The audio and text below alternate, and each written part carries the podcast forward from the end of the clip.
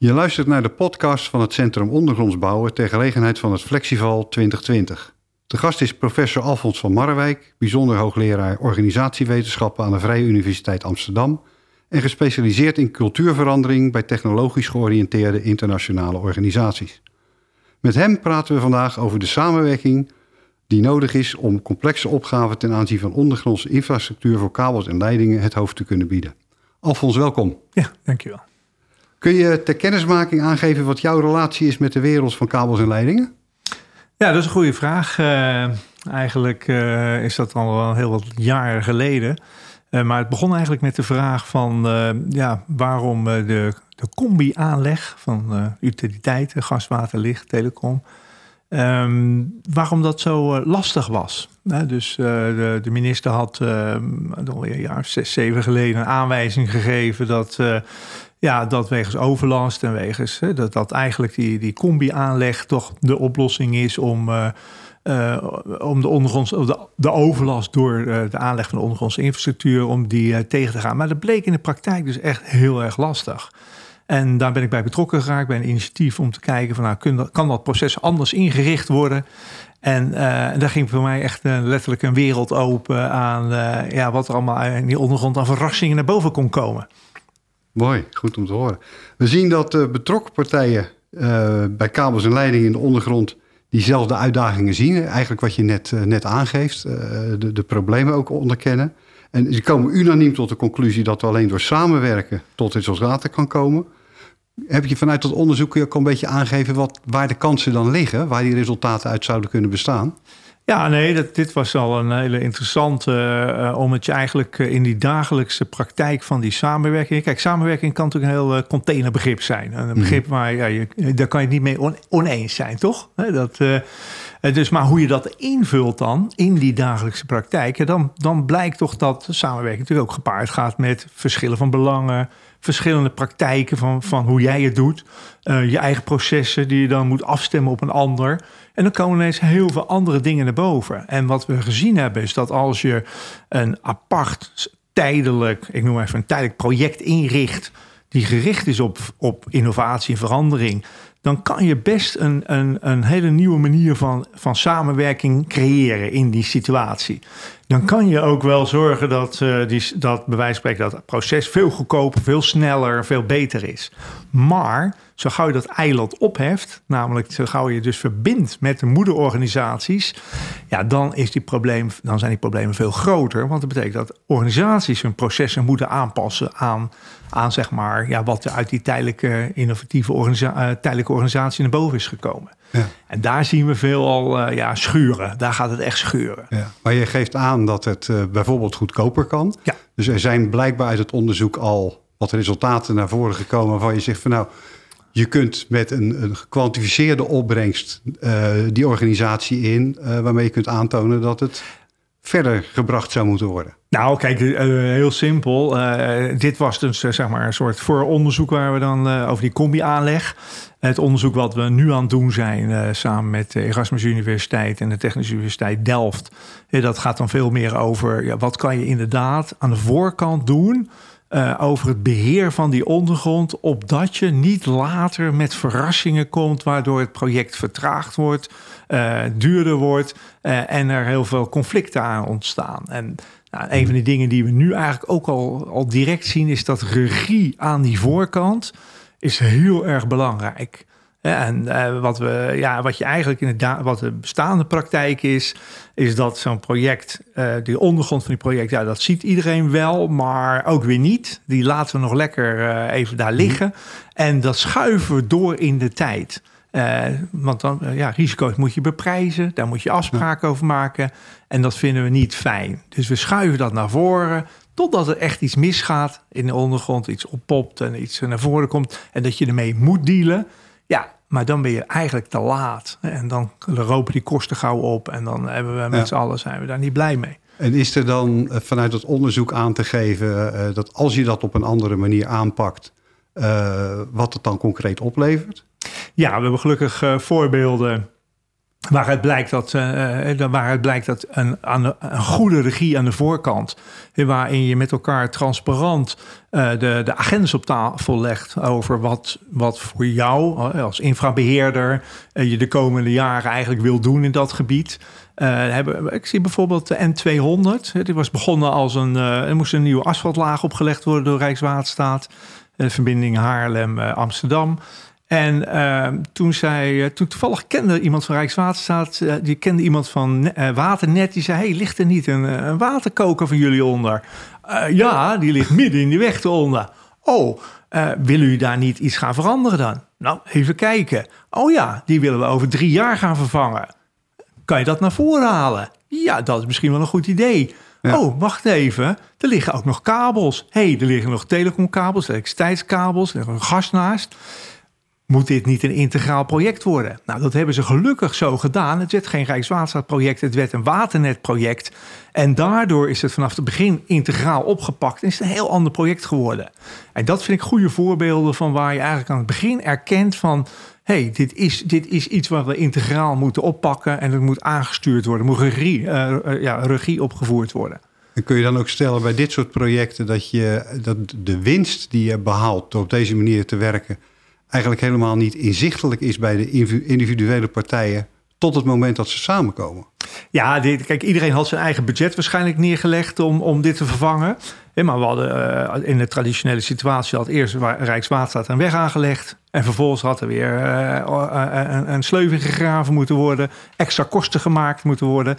Dus ik denk dat als je die integrale kosten gaat vergelijken met de individuele budgetten. Ja, dat je veel goedkoper uitkomt. Ja. absoluut. En ongetwijfeld uit het onderzoek nog wel andere voorbeelden die, uh, die op dezelfde manier aansprekend zijn? Nou, is, uh, kijk, ja, ik zal voorzichtig zijn met namen noemen, maar we hebben één project onder handen en daar was, daar was een nieuw gebouw gepland. En bij wijze van spreken, de architect had het gebouw al gemaakt. Alleen ja, toen werd er bedacht van, oh ja, er ligt misschien ook nog wel wat onder die grond van dat gebouw. En, uh, en daar lag niet een beetje wat, daar lag een hele complete infrastructuurnetwerk. Uh, en, en dat betekent dus dat, uh, nou oké, okay, diegene die dat meldde, die, werd gelijk projectleider van het, klaar, schoonmaken van de ondergrond, het verleggen van de kabels en leidingen. En die kreeg, nou ja, wat kreeg die 100.000 euro mee om dat te regelen. Nou, weet je, uh, we zijn nu geloof ik, zitten nu geloof ik op 50 miljoen euro uh, bij dat vervanging van die hele ondergrond. Uh, het, is heel lastig dus blijkbaar om van tevoren dat goed in te schatten. Maar dat betekent dat constant dat tot vertragingen leidt. En constant leidt dat tot verschillen in inzichten. Dit, dit klinkt ook als een voorbeeld van een project wat misschien uiteindelijk helemaal niet meer haalbaar is. Omdat er een complete, voor die mensen nieuwe ondergrondse component tevoorschijn kwam. Laat ik eerlijk zeggen dat de, vooral de bouwers van, van gebouwen, hè, dus degene die in de bovengrond werken. Uh, ik heb de markthal hier van dichtbij mogen meemaken in Rotterdam. Uh, dat, zijn, uh, ja, dat zijn bouwers die kijken vanaf de ondergrond naar boven. Maar die had niet gerealiseerd dat hij in een heel druk stukje van Rotterdam aan het bouwen was. Waar er echt problemen waren met de fundering van die ondergrond. En, de, de, en de, de putbouwer, dus, die had echt problemen met die ondergrond. En die hebben een enorm conflict gehad daarover van wie zijn dan die kosten. want ja, de, de, de, de, vastgoedontwikkelaar die zegt ja, de ondergrond, dat is jouw probleem. En die, en die, en die ondergrondse die, die putbouwer die zei: Ja, maar dit is normaal. Je weet toch niet wat voor risico. Ik ken die risico's niet. Het is compleet verschil in percepties over bij wie die ondergrondse risico's nu thuis horen. En dat is precies die hete aardappel eh, waar ik het eerder over had. Of ik had het niet over de hete aardappel, maar wel over het doorschuiven mhm. eh, van de problematiek naar achteren toe. Uh, totdat mensen echt met rode koppen soms verhit aan tafel zitten te discussiëren over voor wie de kosten nu zijn. Ja, ja. En dat is jammer. Dat is jammer. dat kan echt anders. Ja, je noemt, je noemt nu twee zaken die door beide projecten heen lopen, namelijk begin op tijd en zorg dat je van elkaar weet wat er aan de hand is. En de tweede, uh, betrekt die ondergrondse component daarin. Ja. ja. Uh, zijn er dan nog andere rode draden uit, uit de voorbeelden die je onderzocht hebt in de loop der jaren? Um, ja, dus je, je, je, je, moet dus aan de voorkant wel alvast gaan bedenken van wat, wat willen wij hier met elkaar eigenlijk. Hè? Dus uh, de, het woordje samenwerking is natuurlijk heel snel gevallen, maar, maar, maar het kost best veel energie om ehm, die samenwerking ook daadwerkelijk eh, om te zetten. Dus eh, een van de dingen die, eh, waar ik een rode draad ook zie is van... stop in die voorkant van die... misschien heb ik dat al eerder gezegd dan hoor... maar stop in die voorkant goed energie in de wijze waarop je met elkaar uh, samenwerkt. Ik zie ook een goed voorbeeld. we, hebben, zijn nu bezig in Rotterdam. Rotterdam is een voorbeeld waarin de gemeente veel regie neemt over, over die ondergrond. En partijen aan tafel vraagt voor langdurige ontwikkeling of integrale ontwikkeling van die, van die ondergrondse infrastructuur. En daarin kwamen we ook een voorbeeld tegen dat echt vanaf het begin af aan in de Rotterdamse haven nu een, iemand uit die ondergrond, die, die die ondergrond vertegenwoordigt, representeert, uh, aanwezig is. En kan zeggen van, hé, hey, dat willen jullie wel, maar dat gaat niet daar. Want daar ligt daar dat en dat, dat gaat me niet lukken. Of ik moet die gasleiding dan omleggen. En we zien eigenlijk dat die personen vaak ontbreken. Ik, ik zou bijna willen zeggen dat die beroepsgroep van, nou zeg maar, ondergrondse kabelaars, kenner, de kennis van de ondergrond, die wordt nogal vaak weggedrukt. Uh, weggedrukt in de zin van: uh, oké, ik heb het gehoord, geef je rapportje maar en uh, klaar is de case. Nee, die mensen moeten permanent aanwezig zijn om, de, om in het project mee te draaien. En dus serieus genomen worden. Dus een soort upgrading van de, ja, van de, van de, de waarde van kennis van de ondergrond. Ja. Um, er blijken dus behoorlijk wat goede voorbeelden ook te zijn. Inmiddels mhm. gedetecteerd vanuit jullie onderzoek, maar misschien ook wel een beetje aangejaagd daardoor. Um, maar wat ontbreekt er nu aan om te zorgen dat de, wat gevonden wordt in dit soort onderzoeksprojecten, dat dat ook vertaald kan worden naar, naar de toekomst, naar andere projecten? Dat je kunt leren van project naar project, want dat lijkt er nogal aan te ontbreken in Nederland. Ja, dat, dat noem je wel gelijk een van de grootste uitdagingen, ook wetenschappelijk gezien van hoe breng je nu uh, zeg maar geleerde effecten of geleerde eh, zaken in tijdelijke settings, in tijdelijke ruimte, in tijdelijke plaats, naar een institutioneel niveau. dus we noemen het institutional learning of institutioneel leren. Uh, hoe zorg je ervoor dat wat je met elkaar hebt gedaan ook in aanbestedingen terechtkomt, in de wetgeving terechtkomt, in de, in de dagelijkse processen van organisaties terechtkomt?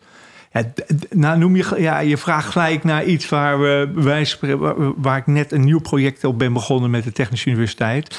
Uh, hoe leren je nu, hoe kan je nu op, multi, op gelaagd niveau leren? Hoe zorg je ervoor dat uh, organisaties vroeg betrokken zijn bij dit soort projecten. Dus niet geïsoleerd, maar vanaf een vroeg moment al heel erg betrokken zijn en weten wat er geleerd wordt. En ook veel meer ophalen en, en, en uitwisselen. Dus we zien in het verleden te veel dat een project dan, als het echt goed doet, uh, zich min of meer isoleren. We hebben het uh, uit Hart van Rotterdam, uh, hebben, Hart van Zuid hebben we mogen bestuderen hier in Rotterdam. En dat was een supergoed project. Alleen, het project was zo supergoed dat ze het ging isoleren. Dat ze het zelf heel vonden dat ze het heel goed deden. En de stakeholders, de omgeving, die hadden zoiets van: ja, jullie zijn lekker bezig, zoek het maar uit dus dan krijg je een, een afstand tussen het project en de institutionele omgeving. En dat is, we noemen dat dan isolation of isolatie. Dat is iets wat je heel erg moet voorkomen. Dus proberen veel meer die verbinding tussen de, nou ja, tussen de instituties en die projecten. Ja, dat, daar, daar zijn we echt op zoek naar. Van wat, uh... nou, daar zitten we hier niet heel geheel toevallig natuurlijk in een podcast van het Centrum Ondergronds Bouwen. Ja. Uh, waar al die partijen, eh, van netbeheerders tot, tot aannemerij, gemeente, nou, noem het maar op, allemaal op een of andere manier wel betrokken zijn. Ja. Uh, zie je dan ook een rol voor dit netwerk om juist dit aspect van dat, van dat leren op te pakken? Ja, natuurlijk. Want dit, is, dit zouden wij een community of practitioners kunnen noemen. Zo'n community, een, gemeenschap waarin je juist die institutionele lessen, of die lessen die je haalt uit de projecten, op een institutioneel niveau neerlegt, dus bij die partijen neerlegt en eens kijkt van, nou, vooral die ketensamenwerking, dat is, dat is gewoon echt de sleutel naar succes. En we realiseren ons te weinig, tenminste veel partijen realiseren zich te weinig, dat er hele ingesleten praktijken zitten in die ketensamenwerking, dat er allerlei gedragscomponenten nog zitten over nou ja, een beetje de arrogante uh, zeg maar opdrachtgever. Die, uh, of ja, misschien niet bewust arrogant, maar wel vanuit zijn rol, van monopolistische rol bijna, zegt van zo gaan we het doen. Terwijl je ziet dat er veel innovatie kan zitten in de rest van de keten. En mijn ideaalbeeld is dat zo'n community van zo'n Centrum voor Ondergronds Bouwen veel meer kijkt naar hoe kunnen we die ketens goed inrichten? In een veel evenwichtiger, met alle partijen een evenwichtige rol in spelen. En, en het gevoel hebben dat ze gehoord worden. En dat ze ook ertoe doen. En dat ze gewaardeerd worden. En dat hun kennis ertoe doet. Je wordt, zie je, ik word al emotioneel bij de oproep. maar daar, daar zit wel een deel van de sleutel in, ja. Ja, het, het is ook, als ik het zo beluister, uh, van, van, van theorie naar praktijk. Mm -hmm. uh, we hebben dat ook gezien in het onderzoek uh, voor Common Ground voor het COB. Ja. Dat op het moment dat je zegt samenwerking, je zei het in het begin al, daar kan niemand op tegen zijn. Nee. Maar vervolgens, hoe implementeer je dat dan? Hoe ja. doe je dat dan? Hoe werkt dat dan, samenwerking? Um, kun je nou ook uit de praktijk aangeven wat daar nou in principe onder ligt. Dat die theorie en die wens, iedereen ja. wil het, ja. maar lang niet iedereen komt ertoe. Nee, nee, dat is heel leuk. We hebben eh, een van onze promovendi heeft een onderzoek uh, gedaan naar het nou ja, Schiphol-Almere project. Dus een, een, wegconstructieproject. En daar was ook een partnership gekozen tussen publiek en privaat. Nou, dat is leuk, maar vervolgens, hoe richt je dat dan in? En uh, ik, heb, uh, ik heb net dat uh, stuk zitten lezen. Hadden maar liefst 28 workshops hebben ze ingericht om die, die dilemma's die voortkomen uit zo'n partnership, om die met elkaar te, te bespreken. Om die in, in een soort, ja, ze doen ook storytelling, ze deden reflectie dat moet je oefenen. Dat kan je niet zomaar. Je, je moet elkaar leren. Je moet, wij noemen dat trust building, vertrouwen bouwende mm -hmm. stappen. En ik zag, uh, ik telde 850 mensen die eraan deel hebben genomen. Ja, we hebben het dus over. Ik bedoel, als je dat doet, moet je dat goed inrichten. En niet alleen maar aan het begin zeggen: Oh jongens, we gaan het samen doen. Leuk, haha, borreltje en klaar. Nee, dan moet je gedurende dat proces het serieus inrichten. Uh, en serieus de thema's die dan opkomen borrelen in dat proces. Over samenwerking, over irritaties, over dilemma's die naar voren komen. Die moet je dan ergens kunnen behandelen met elkaar. En ja. zij hebben dat heel goed gedaan, vind ik. Je, je noemt een aantal uh, termen: community building, uh, storytelling. Je noemde er nog een aantal. Ja. Is het ook zo dat vanuit dat onderzoek daar uh, handleidingen naar voren komen, richtlijnen, ik weet niet hoe je het zou moeten noemen. Maar je zegt, nou, dat, dat kun je vanuit een nieuw project vastpakken. En dat je dan uh, op een georganiseerde manier verder kunt met wat er geleerd is uit de projecten die jullie eerder onderzocht hebben? Ja, of is het nou, nog niet nee, zover? Nee, dat, dat, is, dat is uiteindelijk de, het doel van dit onderzoek is om een, een wij noemen dat een governance structuur, dus een, een beheersmanier uh, te, te, te komen uh, als aanbeveling van hoe richt je nu zo'n project in? Wat zijn de thema's? Hoe representeer je de ondergrond? Wie, wie, is, wie vertegenwoordigt het? Hoe richt je dat hele proces van vertrouwen bouwen en samenwerking in dat proces? Hoe richt je dat, hoe richt je dat in? Welke instrumenten heb je daarvoor? Welke, werk, welke workshops of interventies? Wat, wat, wat werkt goed? Wat weten we? weten heel veel al. We weten best wel veel hoe je, dat, hoe je daarop kan interveneren. En je mag niet van, van iedereen verwachten dat hij zomaar even spontaan uh, kan vertellen wat zijn dilemma's zijn en, en waarom ik niet zo lekker met jou kan samenwerken. Dat, dat moeten we oefenen. Dat, moeten we echt, uh, dat, dat kan je niet zomaar verwachten. Dus, we, dus dat wordt de uitkomst van dit, van, zeg maar, dit, uh, dit onderzoek wordt laten zien van nou, zo'n soort proces op uh, aanpak met deze mogelijkheden voor interventies en deze manier van representeren van die ondergrond, de, dat zou echt uh, dat zou helpen.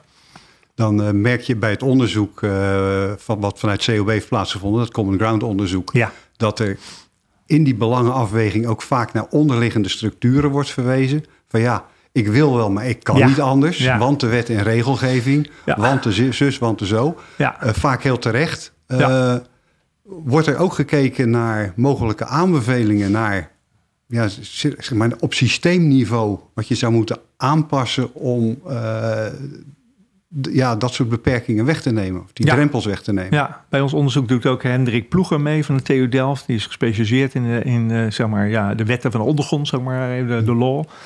En uh, hij zegt altijd wel van er is een enorm palet aan verschillende contracteringsmogelijkheden en aan manieren. er is veel meer mogelijk dan dat wij onszelf altijd toestaan. Dus er is ook een soort zelflimitering van ja, dat mag niet. En dat mag heel veel wel. En, en er kan ook heel veel. En in tijden van crisis, en dat zien we nu wel, kan er ook ineens heel veel.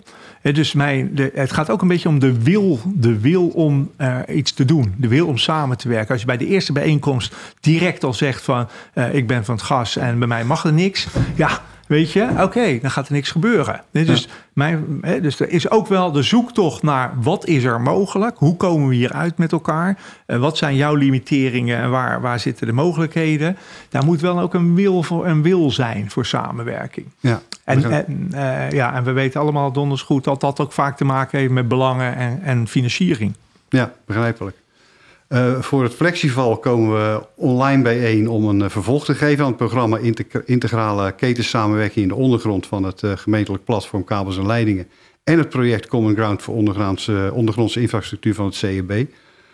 De betrokken experts die willen dolgraag samenwerken, hè? dus ook al wat je zegt hè, en je, je schetst de hele omgeving. Maar heb je nou ook al tips als in de zin van neem nou die eerste stap, begin nou hier om het een beetje behapbaar te maken voor mensen die zo graag willen, maar nog aanlopen tegen uh, waar, waar begin ik? Ja, ja, je, kan zeggen begin klein. Hè? Dat is natuurlijk uh, het oefenen. Nou, je zou eigenlijk aan de voorkant van een uh, kies twee projecten of uh, een paar projecten waarvan je zegt, van, nou, dat zijn projecten waar we dan op die op een andere manier met elkaar willen gaan samenwerken. En neem dat ook serieus. Dus richt dat ook serieus in. En ga dan niet bij de eerste beste conflict gelijk op de remmen staan of denken we, uh, handje terugtrekken, want het wordt daar warm. Nee, zie dat dan ook echt als, als uh, experimenteerruimte, als, als een, uh, learning environment of een leeromgeving die je dan inricht. Hè, en ga daar dan op reflecteren en zorg daar. En stop daar niet alleen die beste jongens en meisjes in. Hè, want die krijgen het echt wel voor elkaar. Die lukt dat wel. Maar probeer daar als organisatie bij te blijven en dichtbij te blijven om daarvan te leren. Maar je kan gewoon verschillende, werk, verschillende projecten inrichten als... oké, dat gaan we nu eens op een andere manier inrichten. En dan loop je vanzelf tegen problemen aan. Uh, compatibiliteit of, samen... Nou ja, dus, uh, er is van alles mogelijk. Maar dan ben je bezig met te leren op de werkvloer. Ja, wat je eigenlijk zegt los van processen, randvoorwaarden, het begint bij mensen. Uh, wist dat, dat ja, ja, concludeer ik uit, uit je verhaal. Uh, dat is ook niet iedereen zomaar gegeven om die omslag te maken vanuit het eigen belang naar het, naar het gedeelde belang. Ik ga, ik ga je verrassen. Het, ik kwam zoveel mensen tegen in die ondergrond die met elkaar over grenzen heel makkelijk met elkaar kunnen samenwerken. Of ze naar publiek komen, privaat of waar ze vandaan komen. Dat gaat best wel goed op die inhoud Maar het is een gelaag. We zitten, het gaat niet alleen om de werkvloer. Het gaat ook over het middelmanagement en het hogere management. Het gaat ook over de processen, de belangen, uh, de financiering. En wat ik nou zo graag wil, is dat je dit soort projecten dan aanpakt op een gelaagde manier. Dus dat je niet alleen met, die, met de micropraktijk bezig bent. Want dat gaat wel lukken. Dat gaat echt wel lukken. Daar heb ik, wel, heb ik vertrouwen in. Maar zorg ook dat die middelmanagers en topmanagers, de raden van bestuur, aangehaakt zijn daarbij. En weten dat, dat, dat, dat ze met dezelfde stem spreken. En dat er niet een separaat project bezig is. En dan iemand in die midden, middenkader of de hoogte zegt van ja, maar dat gaan we niet doen. Dat, uh, dat gaan we niet doen. Dat, eh, dat past niet. Uh, nee, dat hoort, dus die aligning noemen we dat dan. Dus die lijnen mhm. tussen de middelmanagement, werkvloer en topmanagement. Dat is echt een, een majeur issue in het, dit soort veranderingsprocessen. Of in, in het succes van dit soort projecten. Ja. En dat betekent dat je naar jezelf moet kijken, naar je eigen gedrag. En naar, oké, hoe zit ik hier eigenlijk in als, als, als, als directeur, als manager of als afdelingshoofd? En is die behoefte aan zelfreflectie uh, dan uh, in het, uh, op, op managementniveau urgenter dan op de werkvloer? Nee, Nee, nee. Ik, eh, eh, de zelfreflectie is bij, bij geen enkele beroepsgroep echt staat hoog in het vaandel. In ieder geval in deze sector. Nee, dat mag je ook niet verwachten. Maar je mag wel verwachten dat als je een beleid uitstippelt. van nou, we nemen dit serieus. We willen die samenwerking op orde maken. We willen die keten gaan echt goed beter gaan inrichten. Dan mag je verwachten dat je ook de consequenties voor het reflecteren op eigen processen. op eigen werkattitude. op eigen werkhouding dat dat erbij hoort. En dat je het niet alleen wegduwt naar, naar de uitvoeringspraktijk en zegt, ja, die aannemers moeten anders gaan werken of mijn medewerkers moeten anders werken. Nee, het zegt ook iets voor jezelf. En wees daar eerlijk in. Dat is niet makkelijk. Geweldig, dankjewel Alfons. Ik denk dat je de luisteraars een uh, heel veel stof tot nadenken hebt meegegeven vandaag. dames en heren, u luistert naar Alfons van Marrewijk, bijzonder hoogleraar organisatiewetenschappen aan de Vrije Universiteit Amsterdam en gespecialiseerd in cultuurverandering bij technologisch georiënteerde internationale organisaties. Wil je meer weten over de, de kabels en leidingen in de ondergrond, uh, de projecten van het COB? Kijk dan op www.cob.nl.